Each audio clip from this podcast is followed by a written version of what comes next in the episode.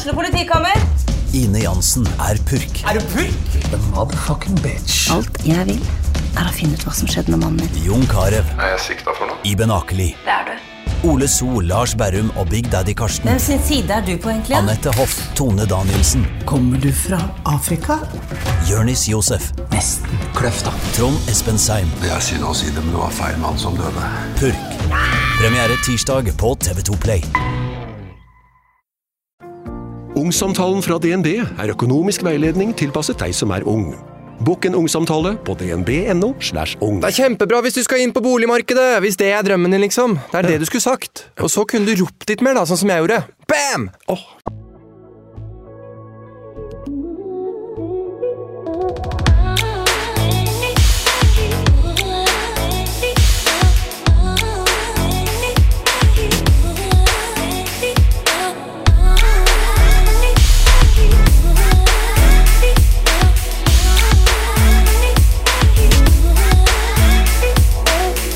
Dette har jeg gleda meg veldig til. Jeg har vært veldig eh, spent. Eh, og så mistenker jeg at det, eh, det er jeg som kommer til å være litt sånn flau i dag. Eh, uten at jeg helt vet hvorfor, Aleksander. Nei, si det. Si det. Men eh, vi skal jo snakke om noe som engasjerer meg veldig. Eh, og det er jo blant annet idrett eh, og det mentale eh, som hører med. Eh, og så din reise og din historie. Fordi du er eh, Vi sier proffbokser, gjør vi ikke det? Jo da, jeg er proffbokser. Ja, Ja. fett. Ja. Hvor lenge har du drevet med det? Altså, boksing har jeg drevet med i elleve år nå. Proffboksing Eller jeg ble proffbokser i fjor, da. Mhm. Hvorfor begynte du å bokse? For du er jo 30 nå, Yes. så da var du eh, 19? 90 Jeg blir, blir 31, så jeg begynte vel da jeg var eh, 20-åra. 19-20. 20, Ja, 20, 20. ja. Tidlig 20-åra. Mm, 20 år. Ja, jeg er ikke så god, veldig god i matte, men den eh, Ja, Vi, 1920. vi naila den. Ja. Ja, ja. Såpass fikk vi til. Hvorfor begynte du? Hvorfor jeg, jeg, jeg, jeg fikk i veldig ung alder sånn eh, ønske om å bli eh, tøff og sterk og barsk mann. Og så, Det begynte vel egentlig når jeg så Rocky-filmen, altså. I, barne, på barneskolen. Men eh, jeg begynte jo ikke da. Mor lot meg ikke begynne med boksing da jeg var ung. Hun syntes det var eh, fæl idrett, så jeg var innom litt forskjellige andre idrettsgrener, og så endte jeg til slutt, når jeg var 20 år, da, og gått tilbake til boksingen, som jeg alltid drømte om. da. Mm. Angrer du på at ikke du begynte før? Det gjorde jeg veldig lenge, øh, men samtidig så ser jeg nå at uh, jeg hadde nok ikke Jeg hadde nok ikke fortsatt, jeg hadde nok ikke likt det. Jeg var ikke klar mentalt. Mm. En tøff sport. Det er en tøff sport. Ja. Føler du For det her er veldig interessant, i og med at du tenkte på en måte at du skulle bli en av de tøffe gutta, da. Mm. Eh, når du lærte deg å bokse og der. Føler du at det, du har blitt det? Nei, egentlig ikke. Jeg har aldri Egentlig aldri endt med å føle meg som en veldig tøffing.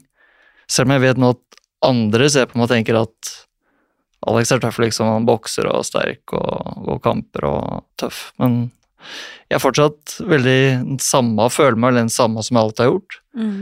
Selv om jeg vet nå at mm, ja, på mange måter er jo det jeg gjør, tøft, da. Mm. Ja. Det er eh, Jeg tror veldig mange ser på boksing og tenker på det som en veldig sånn macho-greie.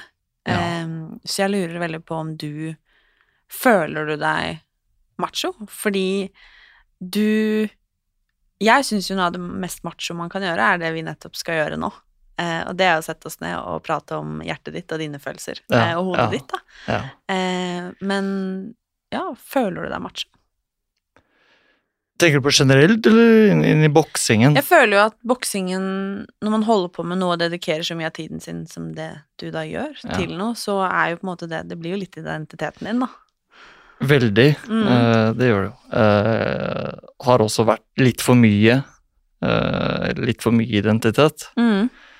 Men eh, altså Ja, når jeg, når jeg bokser, når jeg går inn i, jeg er på vei inn i ringen og gjør meg klar til kamp, da, Ja, man føler seg macho. Man Men føler, da skal du vel føle deg litt macho? Føler seg litt tøff, da.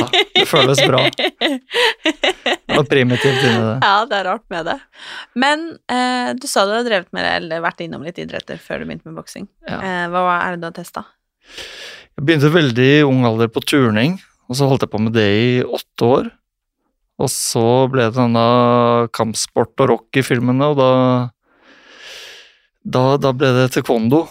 Ja. For det var liksom Det, det, det syntes mor var greit, da. Det var ikke, så ikke for stygt ut. Så ble det taekwondo noen år, og så Og så ble det kickboksing. For det var fortsatt i mors øyne litt eh, det, det var fortsatt penere enn boksing. Av en eller annen grunn. Og så blei det boksing til slutt. Hva syns hun nå? Nå har hun vel akseptert det, men hun har aldri likt det. Hun har vel eh, fortsatt, og så kommer hun innimellom med noen sånn småhint om Skal ikke gi deg, eller begynne med noe annet. Hun ville jo jeg skulle begynne med kunstløp ennå. I ung alder. Kunstløp eller langrenn. Ja, men altså, det, er- det er ikke, jeg ler ikke fordi det er dumt, men det er jo litt, litt langt fra boksing. Det er litt annerledes. Det er det. Ja, nå sitter jeg og ser på deg, og jeg tenker jo ikke på en måte kunstløp. Det er ikke det første som slår meg. Det er ikke det? Nei. Nei. Ble du fornærma nå? Nei det, det, det går helt greit. Men um, du er her jo fordi at du har delt åpent om eh, skal, Kan man si din mentale reise? Ja, det kan man vel si. Når uh, var første gangen du kjente på at uh, Hva skal jeg si Skurra i topplokket, på en måte? At du tenkte tanker som var liksom At du reflekterte over at dette er kjipt? Eller vanskelig? Det var bra spørsmål. Mm. Eh, veldig tidlig. Um, jeg tenkte selv at eh, hvordan jeg tenkte ikke var bra, Det var vel allerede som åt- åtte-niåring. Eh, da var det angsten. Jeg var veldig, sånn, veldig prega av angst som ung. Eh, og på en måte merka også i, i, med venner og i forskjellige gjøremål og jeg merka at jeg var reddere enn folk flest, da. Eller om jeg så ikke var det, så lot jeg det i hvert fall prege meg mer, da.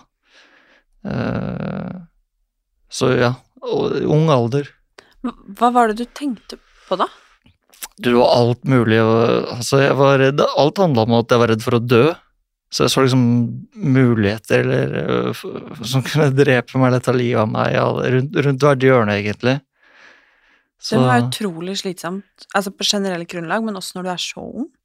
Ja, det var, det var, det var slitsomt. Det var det. Og så fikk jeg nok da, fra hvor jeg fikk det, men eh, fra samfunn eller fra film og hvor enn, så hadde jeg liksom Jeg skjønte at eh, dette var irrasjonelt å tenke på den måten, men også skammet jeg meg over å tenke sånn. Jeg tenkte på en måte at dette jeg, jeg dømte det selv som å være svak. Så jeg endte da med å måte prøve å gjemme det og undertrykke det og egentlig ikke vise for noen, da. Så jeg endte med å måte late, prøve så godt jeg klarte å late som ikke er redd. Funka det? Nei, det gjorde jo ikke det, da. Det funka veldig dårlig. Eller, jeg ble, jeg ble ganske flink til det. For jeg gikk jo egentlig mange, ganske lang tid før eh, Før mor og far og de nærmeste på en måte merka noe. Men de gjorde det til slutt. Fordi jeg klarte ikke å skjule alt, da. Men, men sånn utad for, for, for venner og idrett, så, så fikk jeg det til bra. Eh, Det er veldig mange år senere alder som liksom har kommet til meg og sagt at er, visste ikke at, du følte det sånn. Eh, De kunne ikke se det på meg eller merke det. Syns du det er kjipt at folk har sagt det? Altså, ikke, det menes jo selvfølgelig ikke kjipt, men at du på en måte har vært så aleine og stengt det så godt inne, da, at ingen på en måte har reflektert over det? Det, føl, det føles ikke kjipt, fordi jeg, både, jeg, jeg ønsket jo ikke at de skulle se det. Men eh, men det, men det føles veldig Jeg angrer, da. Det gjør jeg. For jeg kjenner på at det har vært veldig Oi. eh, vært uekte. At det ikke eh, Jeg ha blitt mye mindre godt kjent med mennesker enn det jeg kunne vært, fordi jeg har hatt den fasaden oppe. Mm. Så ja, nei, jeg angrer på det. Men det, det får man ikke gjort noe med. Ærlig nå. Nå er du ærlig, og det er jeg veldig glad for. Ja. Men du sa at du var, du var redd, Ja. og du var redd for å dø. Og at du ikke egentlig visste hvor, hvor det kom fra. Men der blir jeg litt nysgjerrig på hvilke situasjoner var det hele tiden, og det å være redd for å dø må jo være ekstremt exhausting, liksom. Ja, men så det, det er vi jo alle. Mm. Ehm, nei, det, det- ble litt forskjellige hangups i forskjellige, forskjellige deler av eh, oppvekst og ungdomstida. Helt sånn i starten så var det bakterier. Jeg vet ikke hvor- det begynte, men jeg var redd for eh, Var det noen nyheter, eller eh, mor også var litt sånn Passa veldig på meg og min søster, da. Så jeg på en måte catcha vel det noen steder, og så spant hodet mitt i vei. Mm. Så jeg tenkte liksom hva, hva slags bakterier kan være der, og, og utlandet, eller mat overalt. Da ble det tvangstanker, kanskje? Det ble veldig tvangstanker, og det gikk da over i at eh, at jeg begynte med overdreven håndvask, slutta å spise i visse settinger, eh, til og med å stå på å drikke, og jeg ble veldig tynn ene sommeren, når det var på det, på det verste, da. Da, da, ble jeg, da ble jeg tynn. Fordi du var redd for å dø? Ja. ja, jeg har fortalt denne før, da. Den ene den, den sommeren hvor jeg ble ordentlig tynn. Da var vi også i, var i Spania. Hadde et basseng i leiligheten hvor det var øh, veldig, veldig fint sted, men det var også veldig mye veps og bier. Og det var nok da at mor hadde ved, ved en anledning sagt at vi måtte være forsiktige når vi spiste, i hvert fall når vi drakk brus fordi de likte søtsaker. Så vi måtte være forsiktige så det ikke var en veps oppi glasset når vi drakk den. For da, tenk om dere blir stukket i halsen, hovner opp, ikke får puste og blir kvalt til døde. Og da var det, da var det gjort. Så den sommeren der da med masse veps, da ja, gikk jeg bare rundt og fulgte med på alle vepsene. Jeg var livredd for å få en i halsen. Og det endte med at jeg rett og slett bare lukka igjen munnen prøvde å ikke le, prøvde å ikke prate. Så lite som mulig. Så jeg oppførte, oppførte meg jo veldig merkelig. Og det var også den sommeren da hvor eh, ja, både mor og far merka at hva, hva er det for noe nå? For jeg vil ikke si det med en gang. Jeg gikk bare og lukka igjen munnen. Og ikke spiste og drakk veldig lite og ja. Altså Det er lov å le.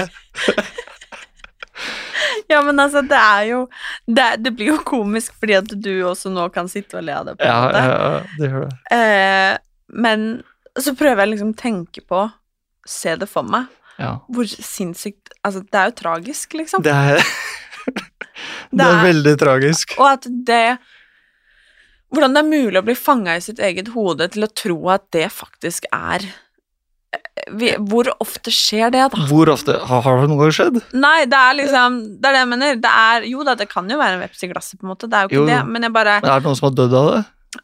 I don't know. Altså, jeg har blitt stukket av veps to ganger, og det har gått bra med meg, og det har ikke Ja, vært i halsen. Ja, men er bare det at liksom ikke engang skulle le, fordi at det kanskje kunne Altså, det, det liksom Det er jo sinnssykt, på en måte. Men samtidig, for deg der og da, så var det jo ekte. Ja, for, for meg var det Det var alt, alt som surra gikk i hodet mitt. Eh, ja, det var eh, Det føltes veldig ekte. Jeg var uh, livredd, egentlig.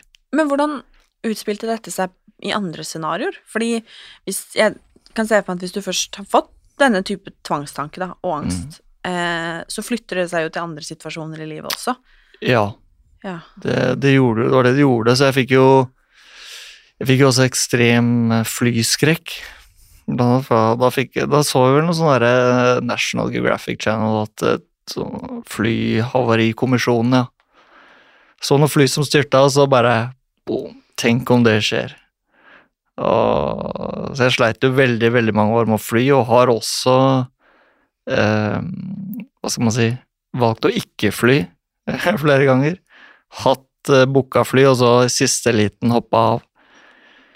Eh, jeg hadde også Jeg var så det, det, det har vi ikke snakket om uh, i, avisen eller på podkast før, men uh, familie og sånn vet jeg, men jeg, jeg hadde også en merkelig frykt for å bli forlatt.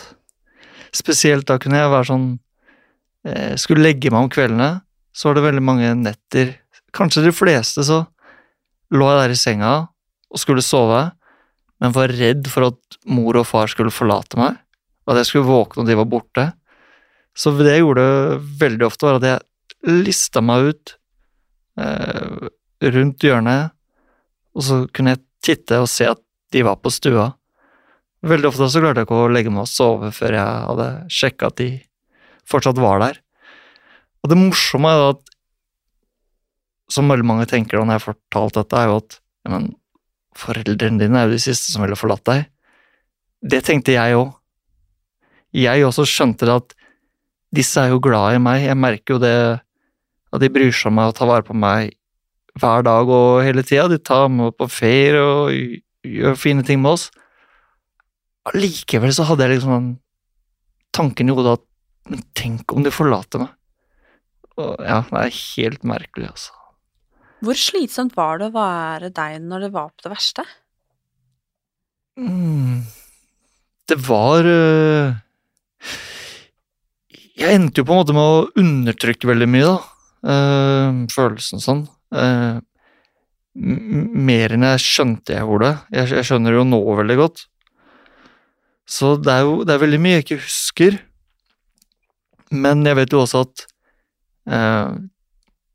alt, alt det, all den frykten jeg ikke har følt på, det som jeg sa i stad, eh, det fikk meg til å føle meg svak, for jeg visste at jeg burde ikke tenke sånn. Eh, jeg har ingen grunn til å tenke sånn, så jeg visste at jeg ville ikke tenke sånn. Og jeg begynte å liksom dømme meg selv og tenke at jeg var svak, redd, pinglete. Og da helt motsatt enn hvordan jeg egentlig ville være, da, for jeg så jo Rocky og actionfilmer og ble liksom sånn Jeg vil bli en sterk mann, liksom. Jeg bli en tøff mann som ikke er redd, som modig og ikke tenker på sånne ting. Så det endte med at uh, trening ble nok min sånn arena der jeg på en måte både flykta fra de, men også prøvde å kompensere, da. Så jeg trente som en gærning da jeg var ung. På ung ungdomsskolealderen så Ja, jeg, jeg, trente vel to ganger om dagen ungdomstida, og innimellom tre ganger om dagen. Sommerferien min da jeg var 14 år, da starta jeg hadde en sommer hvor jeg starta hver dag med to timer løpetur. Og så hadde jeg en økt på boksesekken og styrkeøkt etterpå. Så det var liksom min min måte å selvmedisinere på, da. Og det kan man jo tørre å påstå at eh, hvis det ble en addiction, det også, på en måte, så er det jo ikke sikkert at det nødvendigvis var en konstruktiv greie, kanskje? Nei, nei det, det, det, det var ikke bra i det hele tatt. Uh, og ja, det ble jo en avhengighet, det òg. Og hvis ikke du skulle spise fordi du skulle ha munnen lukka, så ble det ja, da, da hadde jeg heldigvis begynt å spise igjen, da. det, det, var liksom Det var tida Det begynte den der med tre, sånn ekstrem trening begynte et år et år eller to år etter den der episoden med veps og det året der. Ja. Så jeg liksom fikk bytta det ut, da. Men når du da eh, trente, eh, du sa det jo litt, men hva var liksom motivasjonen din? Var det utelukkende For jeg bare sliter litt med Jeg går på trening nå stort sett alltid fordi at det er bra for topplokket, på en måte. Mm. Men når du er liksom går på ungdomsskolen, så er det kanskje ikke 'hei, dette er bra for min mentale helse' du tenker på. Nei, det tenkte jeg nok aldri. Det var uh, 'jeg skal bli sterk, jeg skal bli tøff, jeg skal, jeg skal bli noe'. For jeg likte ikke hvordan jeg var. Så jeg liksom hadde det der bildet av å Fra veldig ung alder at jeg skal bli, jeg skal bli liksom verdens beste bokser, jeg skal bli idrettsstjerne. Da, da blir jeg fornøyd. Da blir jeg stolt av meg selv. Mm. Da, ja. Var du opptatt av at folk skulle like deg? Veldig. Uh, ja. Så jeg Det handla vel nok veldig mye om at jeg ville bli så tøff, sterk og se så tøff og sterk ut og oppnå ja, idrettslige resultater, da. Fordi da tenkte jeg at andre kom til å se opp til meg og like meg. Mm. Uh, ja. Funka det? Ja, jeg har jo fått veldig mye sånn Altså, jeg har jo bare fått eh, Jeg har fått veldig mye rys og ros og skryt og gode tilbakemeldinger for det jeg har gjort. Sportslig og liksom 'Å, du er trent, og du ser så bra ut', men de, de hjalp jo ikke for meg. Jeg følte meg ikke bedre, så utad eh, funka det, men ikke for meg. Når var første gang du forsto at dette er et problem?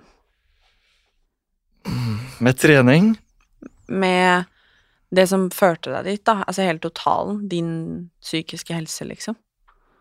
mm. Altså, vi, vi, skjønte jo det ganske ung alder, så etter den episoden med veps og alt det der, så, så, begynte, så begynte, jeg å gå til helsesøster ukentlig for å prate på skolen, da. Så fikk vi liksom bukt med den ekstreme angsten for om det var ja, bakterier eller veps, men uh, så ble det andre ting da, som både ikke var så synlig for de rundt. Det med trening og det greiene der, det ble liksom Andre tenkte jo sånn å, han er flink, disiplinert, han står på, han vet hva han vil, liksom. Sunn gutt som virkelig har ting på stell, da. Når jeg skjønte at eh, hele den greia der også måtte ha vært en usunn flukt, det er litt vondt å si, men det, det er jo da Nå er vi 23, det var slutten av 2021, så to år sia. Mm. Det var inn eh, ja, året jeg ble 30. Nei, året jeg 29 Ja, året før jeg ble 30. Mm. Har du trent så hardt fram til da? Mm.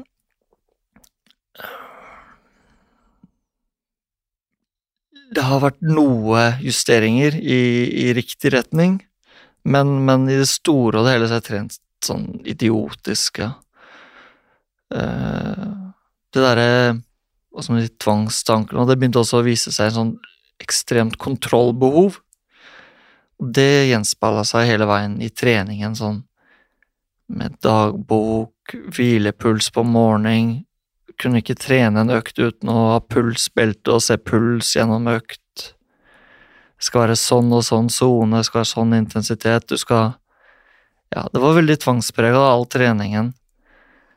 Eh, så ja, det, trening som egentlig skal være sunt, har vært veldig usunt for meg. Mm. Eh, og likevel så er du liksom proffbokser? ja. Det Inni hele den, eh, hva skal man si um,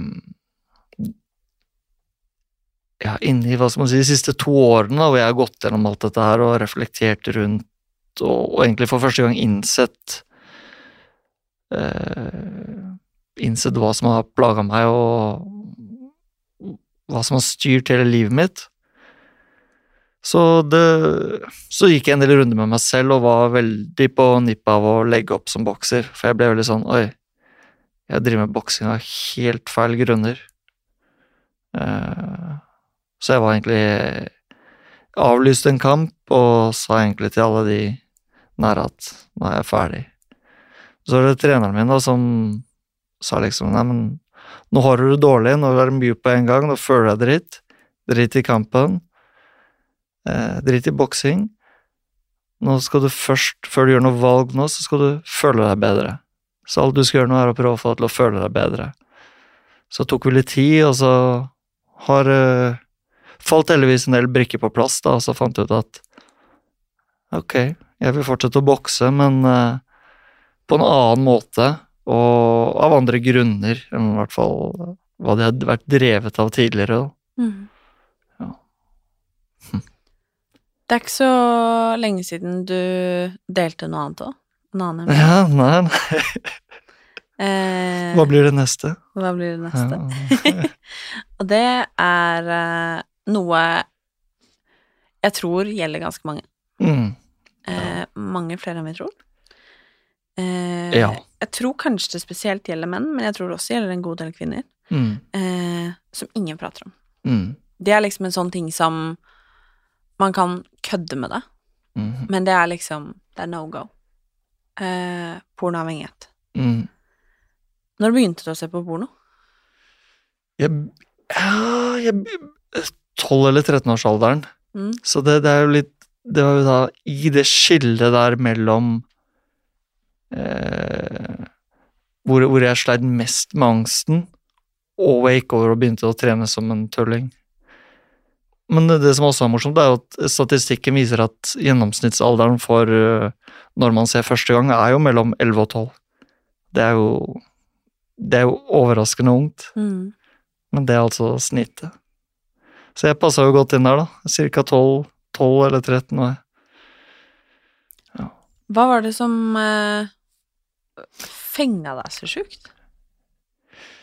Nei, det, var- du, det var ingen, var ingen sånn spesiell ting som fenga meg. Men altså, hvorfor ser man på porno? Det er jo, det er jo digg.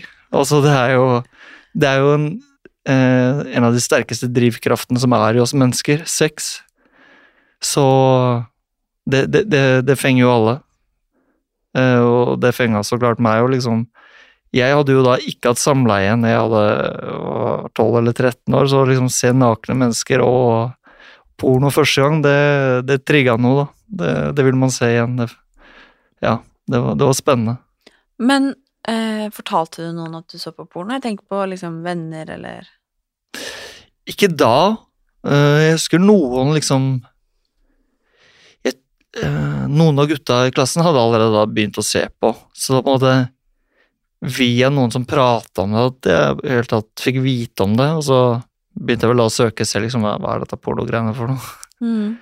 Men uh, etter jeg da liksom begynte å se, så, så, så Nei, jeg snakka ikke om det før kanskje noen år senere. Inn, i- inn i ungdomsskolen så var det liksom det sånn Alle ser på porno, liksom. Eh, det ble aldri prata så mye om, annet enn sånn liksom Jentene kanskje sa liksom ja, gutter skal hjem og se på porno, eller Og ja, kanskje gutter prata litt om det, men noe som jeg har tenkt over i ettertid, er at eh, Som jeg opplever fortsatt, er at det er så akseptert, og alle prater om at alle ser på porno. Ja, jeg ser på porno. Men, men ingen vil prate på en måte om Ja, jeg ser på porno. Det er faktisk et sykt godt poeng. Det er, og det, det er så morsomt med porno, da, hvordan, hvordan det er blitt mm, så allment akseptert at alle gjør det jo. Det er det man sier. Samtidig er det tabubelagt. Det er en morsom, morsom blanding. da. Mm. Så alle vil, alle vil anerkjenne at alle gjør det, men ingen vil fortelle at jeg gjør det. Unntatt meg, da. Unntatt deg. Og jeg er veldig glad for det. Fordi at jeg mener at det vi nå prater om, er ganske viktig. Ja, jeg, det tror jeg òg. Uh, hvor mye så du på det? Ja, det, det er jeg litt glad for at du spør om, egentlig, fordi noe av, noe av det jeg kjente mest på når jeg liksom Jeg tenkte jo veldig mye på dette her når jeg skulle, før jeg skulle dele dette ut og prate om det i VG. Og én ting var jo at jeg er pornoavhengig. Det, liksom, hva, hva er det, da tenkte jeg på hva er det folk tenker om meg når de leser dette. At jeg sitter hjemme timevis hver dag og koser, koser meg med meg selv, liksom. Nå, nå igjen, siden man ikke har prata så mye venner, så kan, er det vanskelig å si hva som er vanlig, men ut ifra de jeg har pratet med om, så Eller nå spurte du meg hvor mye ser jeg, eller hvor mye så jeg? Mm, ukentlig, i hvert fall. Innimellom daglig. Eh, ja, og, men jeg så ikke dette på som et problem i ungdomstida mi. Det var ikke før jeg ble 19 eller 20 jeg begynte at jeg tilfeldigvis kom over en artikkel som prata, eller hvor det sto om at det potensielt kunne være avhengighetsskapende. Så fram til det så var det nok en Ja, det, det gikk sikkert ikke en uke uten. Men da om det var eh, noen ganger i uka, eller en gang i uka, eller sikkert noen ganger hver dag hele uka. Mm. Hva var det du var så redd for når du kom over den artikkelen? med at det kunne skape avhengighet? Mm. Det, ja, avhengighet var én ting. Jeg var, jeg var jo veldig sånn inne i treningen og eh, Treningen og ønsket om å liksom bli sterkere, raskere, bedre og sunnere, så var på en måte avhengighet en ting som jeg så på som en svakhet òg. Og jeg drakk jo ikke alkohol og holdt meg unna rusmidler, hadde ikke prøvd røyk, hadde ikke snust, og så på meg selv som veldig sunn, da. Spiste veldig sunt, og i mange år, eller det var jo ekstremt det, og i mange år så spiste jeg ikke sukker og spiste ikke sånn, og Men så for meg da så var det sånn, å, jeg skal ikke være avhengig av noen ting, jeg skal være, jeg skal være sterk. Men den belyste også en del andre forskjellige ting, nemlig den snakket om eh, en link til sosial angst. Den snakket om lavere eh, generell tilfredshet i det daglige og mellommenneskelige relasjoner. Og det var disse andre tingene her som fikk meg til å tenke at hm, ok eh, Føler jeg på noe der? Vet ikke, kanskje. Og så tenkte jeg på at jeg har sett på porno regelmessig siden jeg var tolv år, så jeg vet jo egentlig ikke hvordan jeg er uten. Så det begynte egentlig bare med at jeg skjønte at Eller jeg bestemte meg for at hm, det minste jeg kan gjøre, er jo å prøve, så kan jeg finne ut selv. Og så prøvde jeg. Jeg slutta å se på porno. Og så holdt jeg bare tre uker, kanskje, og så sa jeg igjen. Ah, ok, greit. Begynne på nytt. Og så skjedde det noen ganger. For hver gang det skjedde, skjønte jeg at hm, kanskje avhengighetsgreiene er ganske ekte. Og så Ok, nå må vi ta oss sammen, liksom. Nå må vi slutte med tullet her. Må klare å slutte med det, slutte å se på porno, liksom. Så var det en sånn kjent greie på internett, da. Nofap heter det. Sånn, det er et stort forum, og mange prater om det, og de sier liksom Du må ha tre måneder da, uten porno. Så det ble et sånt stort mål for meg, da. Tre måneder. Og det fikk jeg til. 90 dager, sier de. Og så kom jeg liksom på 100 dager, jeg tok jo litt ekstra. Og så endte jeg da I hodet mitt så tenkte jeg liksom Ja, nå er du, nå er det liksom beseira det, da. Nå kan du få et normalt forhold til porno. Nå skal du feire med litt porno. Det ble rett og slett feiring med porno, altså. Hjernen liksom da sa at det, det går greit nå. Og det er bare bom, rett tilbake. Og jeg forsto jo da etter hvert veldig godt at oi, hvis det er noe du vil slutte med, og du ikke klarer det, det er, det er avhengighet. Og da skjønte jeg at jeg begynte å tenke på, tenkte hvor mange andre som er avhengig av det. Mm. Var det sånn at Bare for å forstå det Ja. eh, Jeg har aldri på en måte vært avhengig av porno. Eh, men eh, har jo vært veldig glad i, eller eh, kanskje til og med avhengig av andre ting, hvis du skjønner hva jeg mener. Ja. Sånn at man liksom sykt keen på å gjøre ditten eller datten eller et eller annet. Jeg tror alle kan ha følt på følt på det. Mm. I en eller annen form, om det er snus eller om det er eh, alkohol eller mye mindre ting. Altså sjokolade for den saken skyld, Ja, ja. liksom. Men, eller porno. Eh, men en last, da, eller hva vi skal kalle det. Eh, men man kan jo si sånn når du sier sånn Nei, jeg klarte ikke å holde meg unna porno. Så kan man bare si sånn Men la være å søke på det, da. Altså, skjønner du hva jeg mener? Mm, ja. Eh, og det er der jeg lurer på litt Hva var det du følte, hva var det du tenkte? Følte du når du da så på porno, at det var en eh, ren tilfredsstillelse Altså, én ting var jo seksuelt, men en annen ting var liksom Altså hjernen, at du følte liksom at dette var et behov du hadde for å på en måte ha det bra. Altså, forstår du hva jeg mener? Ja. Nei, jeg følte ikke at dette var noe jeg trengte. Uh, men nå tenker jeg annerledes på det. Nå, nå tenker jeg veldig at hm, Med det jeg sleit med personlig og angst og disse fobiene og sånn, så tror jeg på mange måter at pornoen ble dopet mitt. På den måten at det ble en, noe jeg brukte for å i hvert fall for en liten stund, øh, føle meg bedre. Fordi når du ser på porno, så, så og får orgasme, så, så skiller det ut en del eh, signalstoffer i hjernen som får deg til å føle deg bra. Det som er kjipt, er at eh, så fort du er ferdig, så er det, så er det over. Det varer ikke så lenge.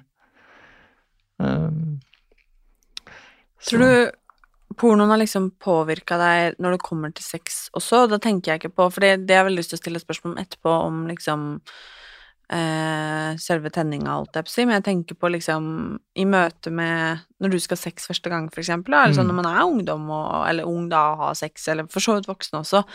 Eh, for det er jo noe av det man er ganske redd for, at barn og unge skal se på porno, og eh, at unge gutter skal dra med seg liksom det de ser da, i pornografien, på en måte, inn i et sexliv, og både forvente det, men også på en måte tro at det er sånn det er, da. Mm. Eh, ha, har det påvirka deg, eller gjorde det det? Det, har helt klart påvirka meg. Det, på, på, på flere måter. Uh, du, du hører hvordan, du, nå? ja, så hvis du byr Nei, hvor skal vi begynne? Uh, nei, men det altså påvirka helt klart. Uh, jeg Jeg skal Nå får du, får du nytt her, altså. Mm. Eh, min, min første Altså, min seksuelle debut, det var rett og slett Det, det var Det var øh, Det var fryktelig. Min, altså, jeg hadde Dette var jo da tidlig etter eh, angst for bakterier, og jeg, jeg hadde, fikk jo veldig Sleit veldig med sosial angst. Så det var på ungdomsskolen. Jeg liksom hadde dårlige tanker om meg selv, lav selvtillit, og det da I den situasjonen å kle av seg, være naken og så sårbar, og skulle gjøre noe som jeg ikke var god på, noe jeg allerede hadde gjort før, men jeg da også hadde sett på porno og skapt en sånn utrolig Hva skal man si uh, Det blir nesten en forestilling om hvordan det skal være. Ja, som man tar med seg, da. Ja.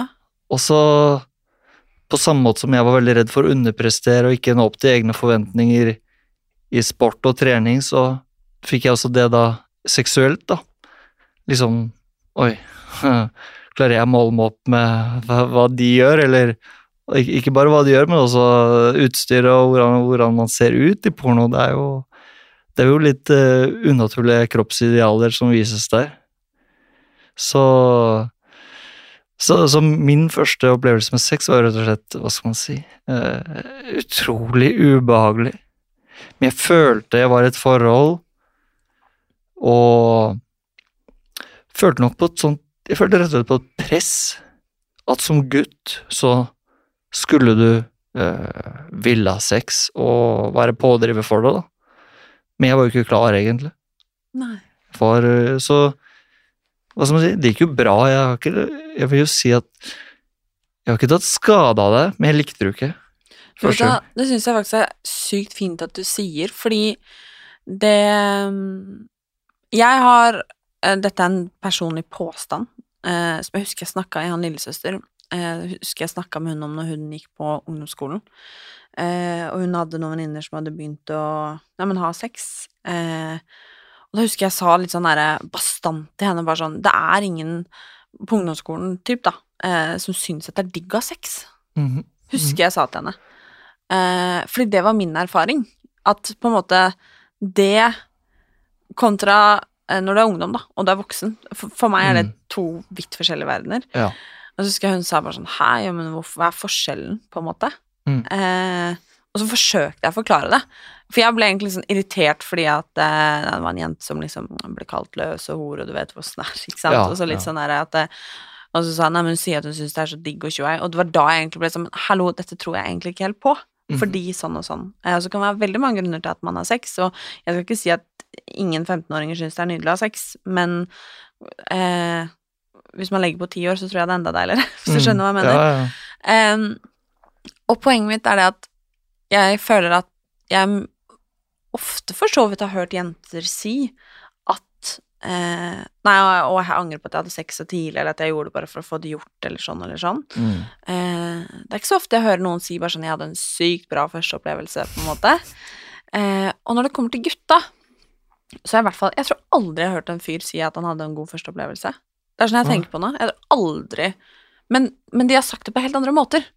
De har eksempel bare sagt sånn 'Nei, det var, det var ikke så fort unna', 'Nei, det var litt sånn', eller altså Mm. Jeg tror aldri jeg har hørt en mann si det du nettopp sa. Mm. At bare sånn 'Jeg hadde en skittig første opplevelse, liksom. Mm. Og det tror jeg hører med forventningene.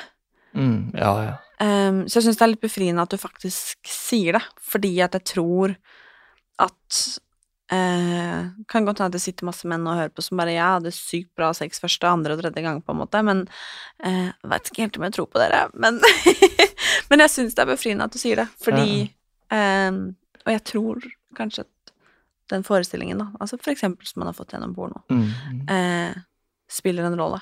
Og så er det jo liksom veldig rart at man skal vente at man skal være jævla god på noe som man aldri har gjort før. Det er rart med det. Det er ikke det så mye annet. Nei, det er liksom Når du setter deg og skal kjøre bil første gang, da. Ja, ja. Du har jo sett det, Ja. Du har sittet på den hver ganger. Du vet kanskje ish, ok, sånn her, og du vet jo ratt og tjo her, liksom, men du er jo ikke jævla god. Nei, nei, Så hvorfor i alle dager forventer man det når det kommer til sex? nei. Det er veldig spesielt. Det er Ja.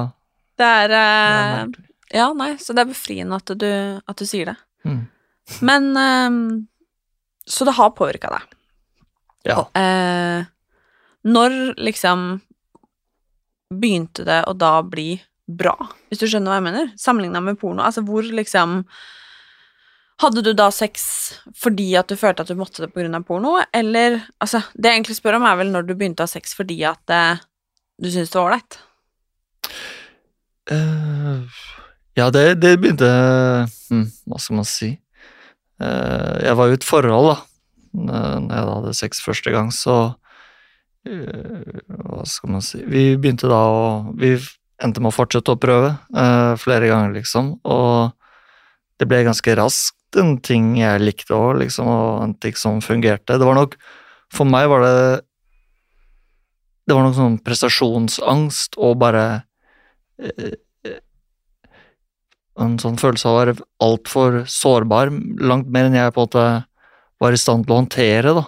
Så jeg bare ble fanget for mye i meg selv, og også redd for å eh, Redd for å ikke være bra nok, da, for, for da kjæresten min, eh, som gjorde det ubehagelig.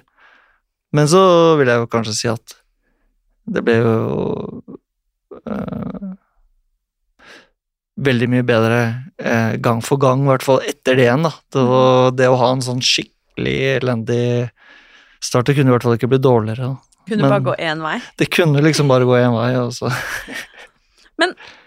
Jeg lurer på, hvordan har du liksom Altså, ser du fortsatt på porno? Nei, det, det gjør jeg ikke. Nei. Takk for at du spør. Bare få dø på det for det rene. Ja, det skal sies at eh, da jeg, begynte da både prøve å slutte da jeg var 20 år. Og siste gang jeg så på porno, var eh, Jeg har egentlig ikke datoen, men jeg har Før jeg dro til Las Vegas i fjor sommer, og da dro jeg 28. juni Ikke i fjor. Jo, i fjor sommer, 2022. Så det er, det er snakk om noen dager eller en uke før det. Så jeg har liksom den 28. juni, da, den datoen jeg dro. Så nå har jeg vært eh, ett år og da to måneder uten, og det er, jeg- det er jeg stolt over. Mm. Eh, mest av alt fordi jeg prøvde det så lenge uten å få det til. Eh, og både da eh, Hva skal man si Jeg sier endelig fikk det til, men også vel vitende om at jeg er jo ikke ferdig, på en måte. Det er, eh, det er noe jeg vet for min egen del at jeg må fortsette å holde meg unna. Mm. Ble du redd for at eh, pornoen skulle ødelegge sexlivet ditt?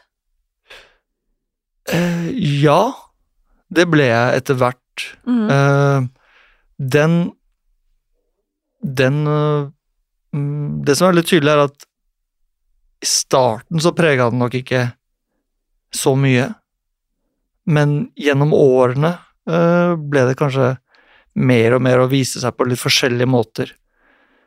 Uh, så jeg både det man- Jeg skjønte alvoret eh, for min egen del da, mer og mer, og spesielt da jeg slutta eh, Eller liksom klarte å, klarte å slutte, så da er det ganske Nå blir det intimt her også.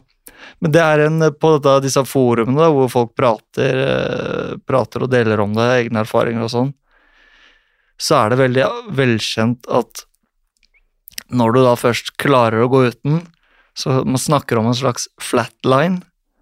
At eh, den kan treffe noen uker inn, eller en måned eller to måneder inn. Rett og slett en sånn her komplett eh, dødtid for sexlyst og også funksjon der nedentil. Og den opplevde jeg òg. Eh, og ganske, ganske tidlig etter at jeg stoppa, så eh, sendte jeg meg å innlede en relasjon med en med, med hun som er eh, min kjæreste nå. Så det hva skal man si, det ble også en trøblete start igjen på en ny, ny seksuell relasjon. Mm. Men det, det skremte meg. Eh, hva skal man si, den var veldig Han, han nede der, han ble veldig Veldig lite tilregnelig. Ja. Måte, jeg kunne til og med Og det mange da kan tenke at hm, ja, men det kan jo være prestasjonsangst igjen sammen med, med partner. Ny partner, spennende, litt usikkerhet. Eh, Men det jeg kan si, er at eh, eh, det, det, jeg sleit da til og med med det selv. Jeg kunne ikke på egen hånd få, få oppreising. Mm. Det, det, det stressa meg. Men det fikk meg også veldig til å innse at oi eh, Dette har jeg aldri opplevd før. Eh, Dette er det mange som snakker om skjer etter man har kutta porno. Og det fikk meg til veldig til å innse at å, eh, Redd for at det skal bli en varig greie, men også eh, hvor ekte det er at oi, jeg er blitt påvirka av det her. Mm. Mm. Det skjønner jeg. Ja. Veldig, veldig godt. Det var, det var som en eh, hun um, eh, Kjæresten til treneren min, vi var jo i Vegas i denne eh, eh, Under det oppholdet der. Eh, og jeg, jeg fortalte, fortalte dem om det også. Vi er, vi, er, vi er veldig åpne med hverandre. Og hun lo litt av det, da, at liksom at eh, Det må liksom for en mann til at det må være noe eh, gærent med utstyret før du liksom skjønner alvoret, da. Eller går til legen. det er sant. Ja. ja, det er godt sagt, faktisk. Ja. Herregud. Men um, rent sånn Når forsto du at det var forskjell på sex og porno, da? Jeg forsto, altså det, Ja, men altså, tenker, altså, Nå må man tenke på at du var liten, altså du var ung. Ja, altså, sånn, det, jeg skjønner at du nå som mann snart 31 forstår. Mm. Eh, det er det ikke alle som gjør, men det er jo eh, Det høres ut som at du har forstått. Ja. det, du skjønner hva jeg mener? At, Ja. Fordi man tenker liksom Å, man skal gjøre sånn og sånn, det skal se sånn og sånn ut, da. At det, det skal være som på porno, da. Mm. Eh, og det er klart at eh, Det er det jo ikke. Nei, og eh, altså rent intellektuelt så skjønner man jo at det er jo ikke sex, men en sånn interessant ting er jo det de ser på disse studiene og forskningen, er jo at når du ser på porno, så forstår ikke hjernen din at dette ikke er du som har sex. Mm. Den opplever det, og de samme måte, Hjernen opplever det som at du har sex med da disse du ser på skjermen. Og dette er jo en stor eh, årsak til nettopp eh, potensialet for avhengigheten. Uh, man, man, man kaller det Coolidge-effekt, da. Eh, det er liksom en, eh, et navn man har gitt på denne eh, fenomenet, som man ser egentlig hos alle pattedyr, nemlig at en mann uh, har på en måte en sånn man kaller det sexual refractory period, da, at en mann ofte trenger litt tid før han er klar til seksuell omgang igjen.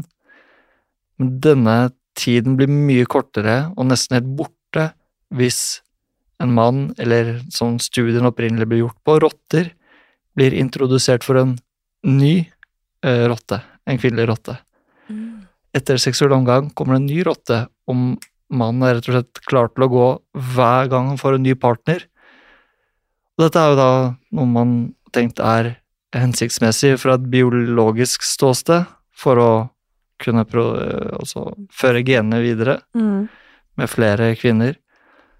Men det her problemet kommer inn med porno, da, at du har uendelig tilgang på nye damer, nye scener, og den samme responsen skjer, og du ser dopaminnivåene og signalstoffene i hjernen når du går på en ny scene og ser på nye greier, at bom, det er en ny topp hver gang.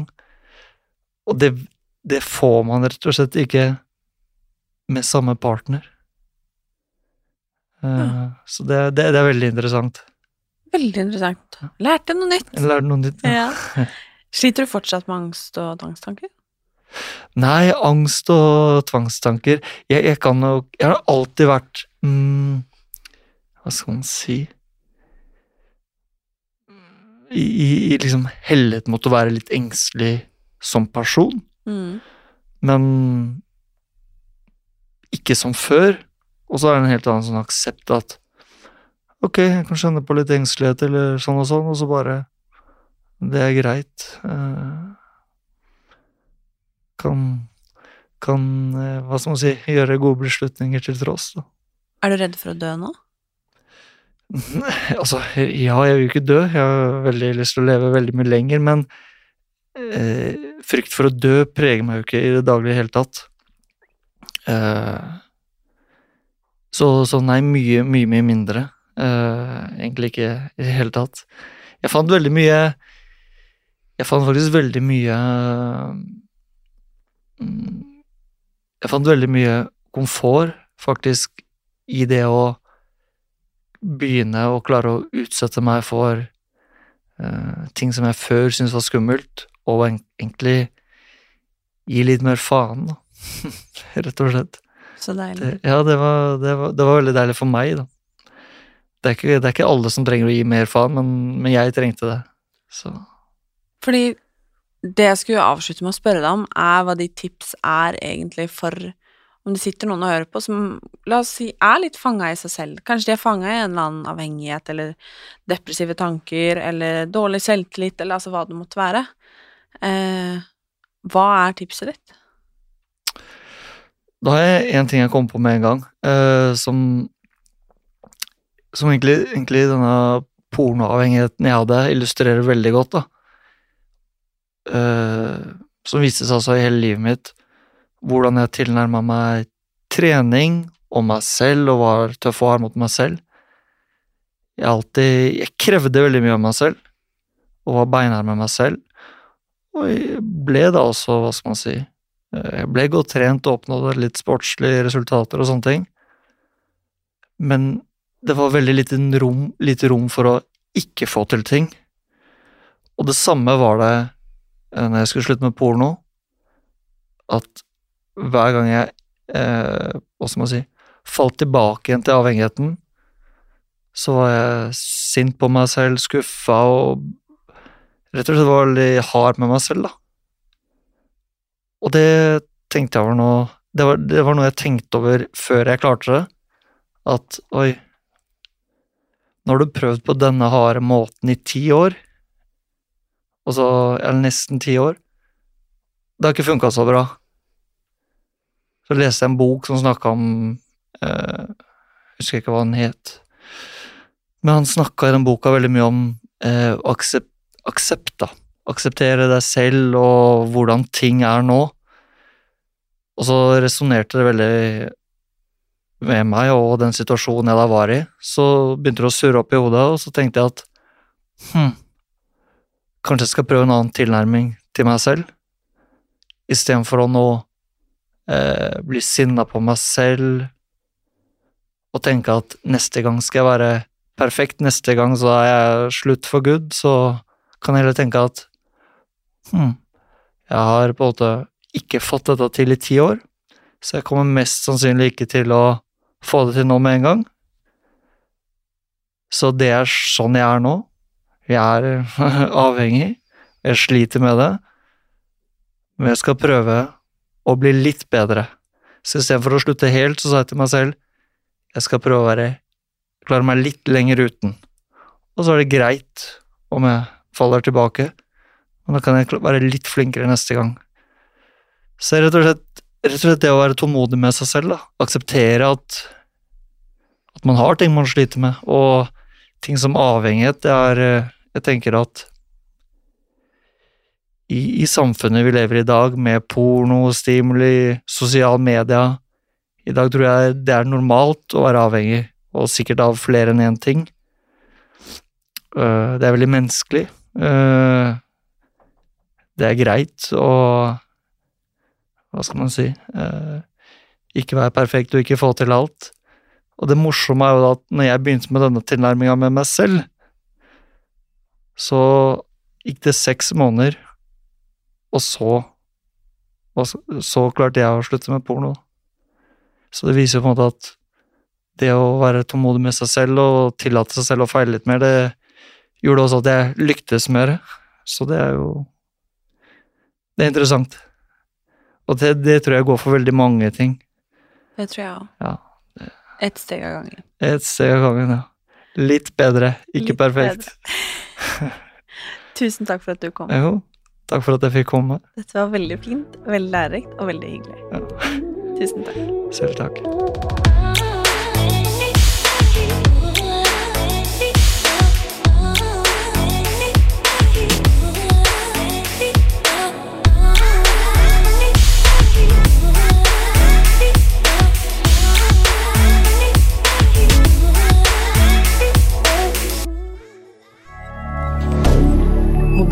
milliardaire